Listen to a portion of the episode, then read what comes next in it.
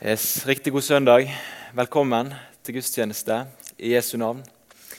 Mitt navn er Kristian Siljeholte, og jeg har gått i denne forsamlingen her mer eller mindre fast i, seks år. Eh, nå går min tid her mot eh, slutten. Jeg skal flytte vestover. Eh, og eh, jeg har studert på Fjellhaug i fem år nå og eh, er ferdig med min mastergrad forhåpentligvis til sommeren. Jeg er gift med Sara Elise, 26 år gammel. Som dere hører, så eh, kommer jeg ikke herifra. Eh, jeg kommer fra en plass etter Frekkhaug utenfor eh, Bergen. Så det var litt om meg. Kjekt å se dere alle sammen. Hjertelig velkommen. Dagens tekst som jeg tenkte skulle tale fra i dag, den er satt opp som søndagens tekst. Eh, vi finner den i Johannes evangeliet, og eh, vi må kunne si at det er for mange kjente bibelvers. Det er en krevende tekst fordi han gir oss mange utfordringer om ting som ikke er så veldig lett å forstå. Og Den teksten den står midt i, et, eh, midt i et avsnitt som er midt i en samtale mellom Nikodemus og Jesus. Og Vi reiser oss og leser fra Johannes 3, 11 til 16 i Jesu navn. Sannelig, sannelig, jeg sier deg, vi taler om det vi vet, og vitner om det vi har sett. Men dere tar ikke imot vårt vitnesutsagn. Hvis dere ikke tror når jeg taler til dere om det jordiske, hvordan kan dere da tro når jeg taler om det himmelske? Ingen annen er steget opp til himmelen enn Han som er steget ned fra himmelen, menneskesønnen som er i himmelen. Og slik Moses løftet opp slangen i ørkenen, slik må menneskesønnen bli løftet opp, for at hver den som tror på ham, skal ha evig liv. For så høyt har Gud elsket verden, at han ga sin sønn den enbårne, for at hver den som tror på ham, ikke skal gå fortapt, men ha evig liv. Herre, ditt ord er sannhet. Hellig oss i sannheten. Amen.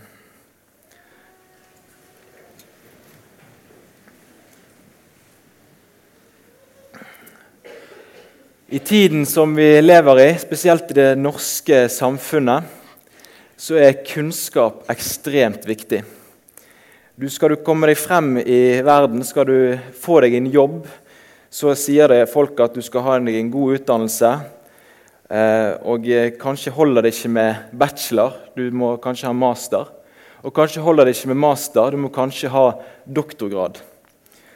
Og det er nesten sånn at du får inntrykk av at Hvis ikke du har en mastergrad, så kan du ikke uttale deg om noe av samfunnets spørsmål. I noen tilfeller så kan det bli en litt sånn ovenifra og nedholdning. Vi lever med andre ord i en tid hvor eh, mennesker kan mye og er ekstremt kunnskapsrike. En sånn mann som var ekstremt kunnskapsrik, var det Jesus satt og snakket med. Han satt en natt i Israel og snakket med en kar som heter Nikodemus. Og Nikodemus var en fariseer en av jødenes rådsherrer. Han var med andre ord medlem av det jødiske rådet. Han hadde allerede fått med seg at døperen Johannes det var ikke Messias, men han hadde fått en pekepinn på at Messias hadde kommet. Han var en lærer for Israel, står det, en som hadde kunnskap om, både, altså om hvem Messias skulle være. I dag så kunne vi kanskje beskrevet Nikodemus som en person som kunne sin bibel. Og Han var nysgjerrig på hvem Jesus var, som vi hører om på søndagsskolen. Han var nysgjerrig på hvem Jesus var, og oppsøkte ham på natten. Antageligvis for å kunne være alene med Jesus. Og Selv om dette var ganske tidlig i Jesu virksomhet her på jord, så var stemningen mot Jesus og stemningen hans, med hans komme den var allerede anspent. Men det at Nikodemus søker Jesus på natten, det kan gi uttrykk for at han var mer søkende enn det vi kanskje er klar over. Hvis han ville konfrontere Jesus og ta han, så kunne han valgt en helt annen strategi. og Han skulle få mange muligheter til det seinere. Han hadde ekstremt vanskelig, mye vanskeligheter med å forstå det Jesus snakket om. Jesus talte om det å bli født på ny, å bli født av vann og ånd. Og Nikodemus lurte på hvordan en voksen mann kunne krype inn igjen i morslivet.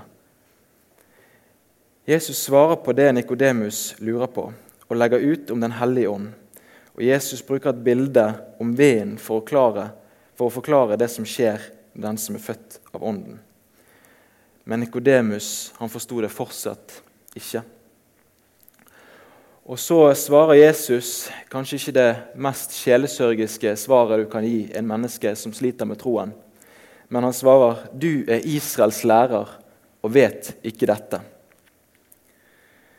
Det kommer klart frem i Jesu ord at dette som Jesus hadde talt om og snakket med ham om, en som kjente godt til Det gamle testamentet, og som hadde lest disse profetiene, han burde skjønne dette.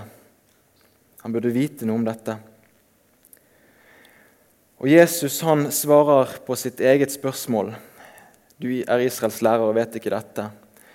Han svarer på dette spørsmålet før Nikodemus får slippe til.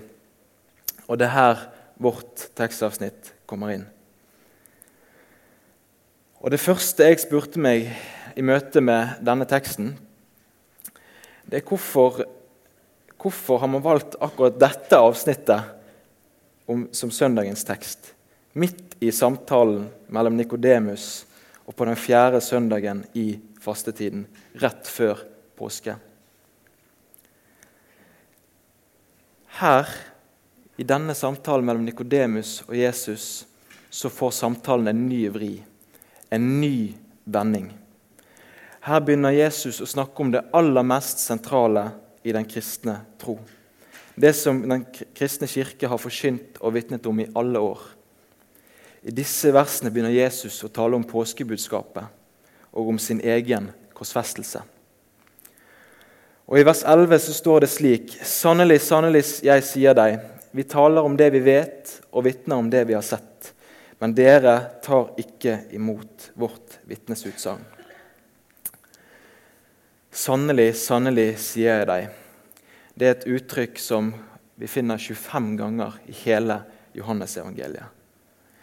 Og Dette er den tredje gangen Jesus sier det i møte med Nikodemus. Vi taler om det vi vet, og vitner om det vi har sett, men dere tar ikke imot vitnesbyrd, vårt vitnesutsagn.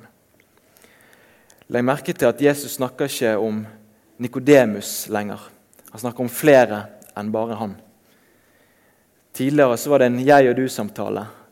Nå snakker Jesus om vi og om dere. Ikke jeg og du, men vi og dere. Og eh, Da tar Jesus hele av den, alle fariseerne i denne betegnelsen. Og så eh, snakker han om vi. Det var ikke bare Jesus som hadde vitnet om disse tingene. Det var en annen som hadde gått foran, døperen Johannes, som hadde vitnet om det å bli født på ny. Og Samtidig så hadde man sett noe av det i Det gamle testamentet. Vitnet om at Jesus er Messias. Johannes hadde allerede gjort det.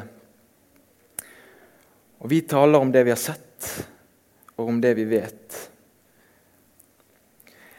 Videre i Det nye testamentet så ser vi at de første kristne de uttaler seg på samme måte.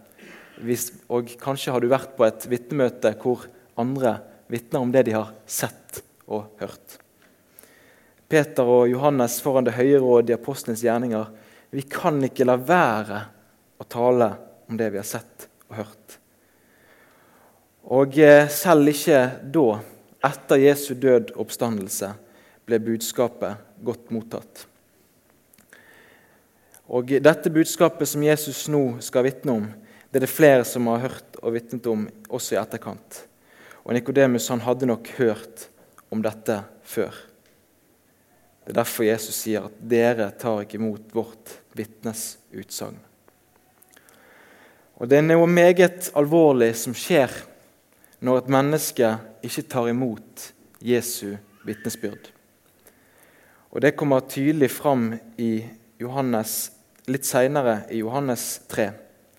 I vers 18 står det den som tror på ham, blir ikke dømt.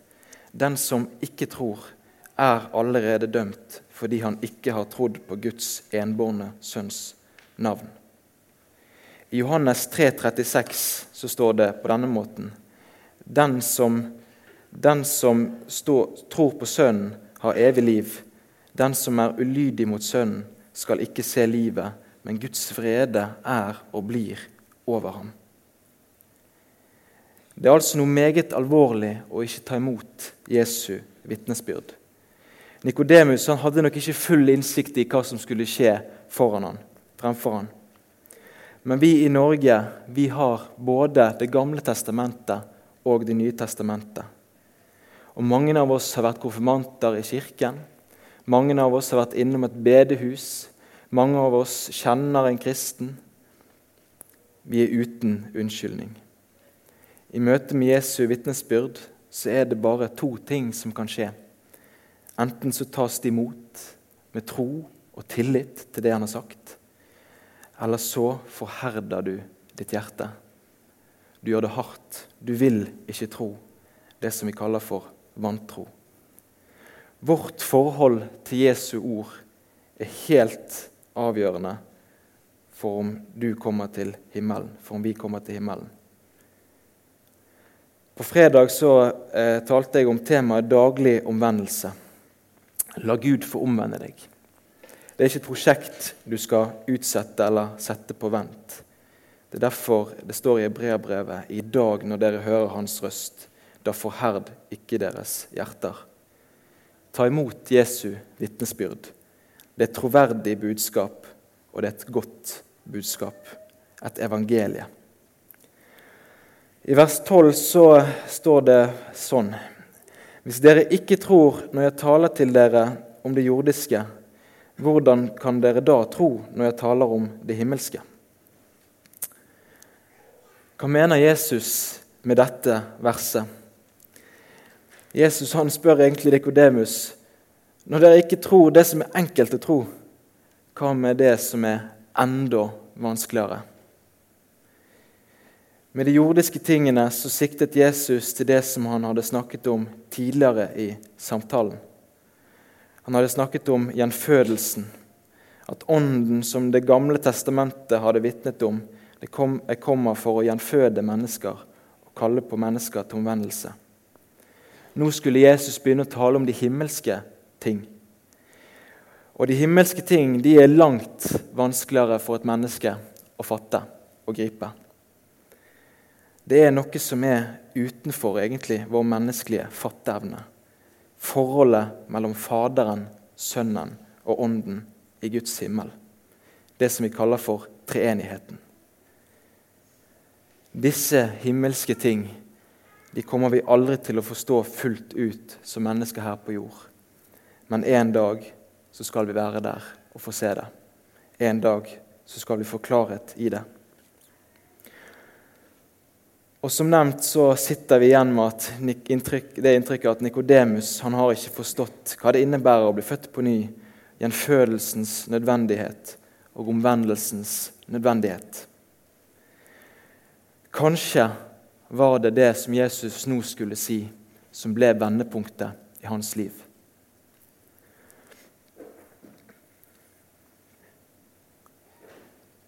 Jesus han hadde talt om de jordiske ting men nå begynner Jesus å tale om de himmelske ting. Hvordan skulle det nå gå?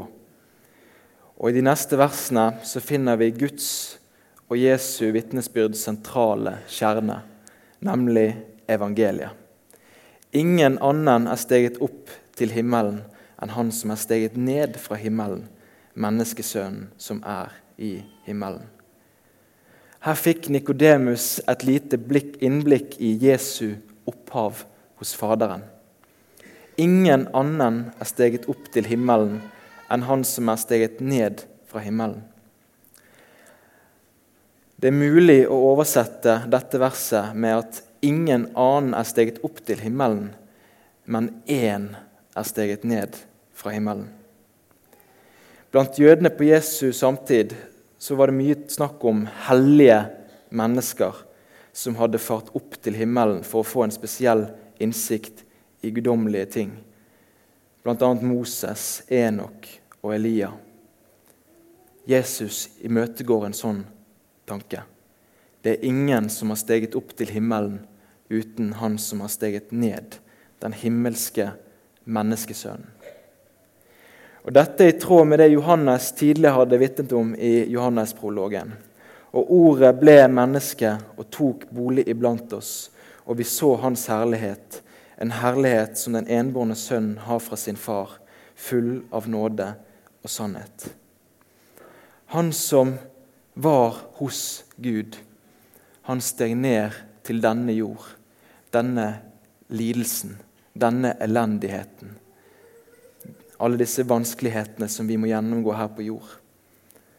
Han levde her på jord 100% som menneske og 100% som Gud. Og det er bare Jesus som kan tale med autoritet om disse ting, for han tilhører den himmelske verden. Og Menneskesønnen det er tittelen som Jesus bruker om seg sjøl, og som går igjen flere ganger i Johannesevangeliet og i de andre evangeliene. Og Nikodemus kjente nok til uttrykket fra Daniel 7, 13 og videre, der det står om en menneskesønn som stiger frem for Faderen og får tildelt et oppdrag om å forvalte Guds rike. Menneskesønnen er ikke bare et menneske, men han er i kontakt med den himmelske verden. Og Så kommer Jesus til sitt hovedpoeng og slik Moses løftet opp slangen i ørkenen, slik må menneskesønnen bli løftet opp, for at hver den som tror på ham, skal ha evig liv. Her taler Jesus meget tydelig om Guds frelsesplan. Og Det gjør han ved hjelp av en lignelse fra Det gamle testamentet, som vi finner i 4. Mosebok 21, 4. Der leser vi om at Israel i ørkenen gjorde et opprør mot Gud. De var så inderlig lei av mannabrødet som Gud serverte dem i ørkensanden hver eneste morgen. Og Guds respons på dette opprøret var å sende giftslanger inn blant folket. Og da angret Israel og bekjente sine synder. Og Da reiser Gud opp en kobberslange på en stang gjennom sin tjener Moses. Og hvis israelsfolket så på slangen, ble det helt frisk. Jesus snakker om sin korsfestelse til Nikodemus. Jesus taler om en dag hvor han sjøl skal opphøyes på et kors, på det stedet som kalles hodeskallestedet Golgata. Og dette som profeten Jesaja har talt om flere hundre år før Messias komme. I innledningen Vi kjenner godt til Jesaja 53, men det er en sang om Herrens lidende tjener. Og Den sangen innledes i Jesaja 52 og vers 13. Se, min tjener skal ha fremgang. Han skal opphøyes og løftes opp og bli svært høy. Så videre så males det frem om en mann som lider, en mann som blir ødelagt, en mann som blir knust og straffet. En mann som, en, som ikke hadde en herlig skikkelse vi kunne se på, ikke et utseende vi kunne glede oss over. Han maler Golgata for oss om den frelseren vår som hang der på det korset og lider for vår skyld. Dette, Jesus bruker altså kobberslangen å, for å vitne om det som han skulle gjennomgå. Det som skulle skje med han.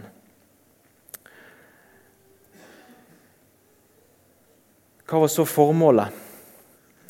Hvorfor skulle Jesus henges opp på et kors. Og Det er så viktig for Johannes at han presiserer det to ganger. For så høyt har Gud elsket verden at han ga sin sønn den enbårne, for at hver den som tror på ham, ikke skal gå fortapt, men ha evig liv. Det skulle ikke være noe tvil om hva Guds frelsesplan var. Gud har kun én sønn, Jesus. Og Likevel så ofrer han sin sønn, blir pisket, pint og torturert og hengt opp på en stang på kobberslangens vis. Og Formålet er evig liv til hver den som tror, til hver den som ser Kristus på Golgata. Kristus han har seiret over døden, og nå sitter han på tronen. Den opphøyde Kristus, han sitter med all makt. Og han kaller hver og en av oss hjem til seg.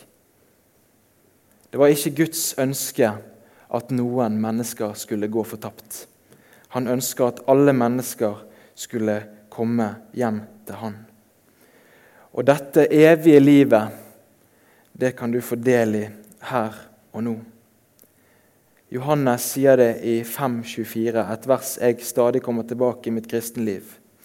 Sannelig, sannelig, jeg sier dere, den som hører mitt ord og tror på Han som har sendt meg, har evig liv og kommer ikke for dommen, men er gått over fra døden til livet.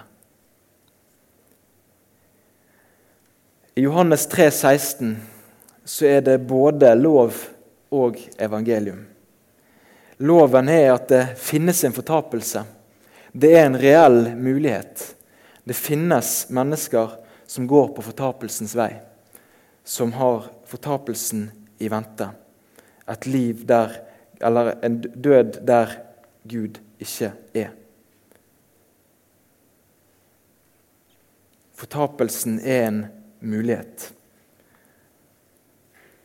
Og så legges det ut i de neste versene i Johannes 3 mer om det. I de versene etter vårt avsnitt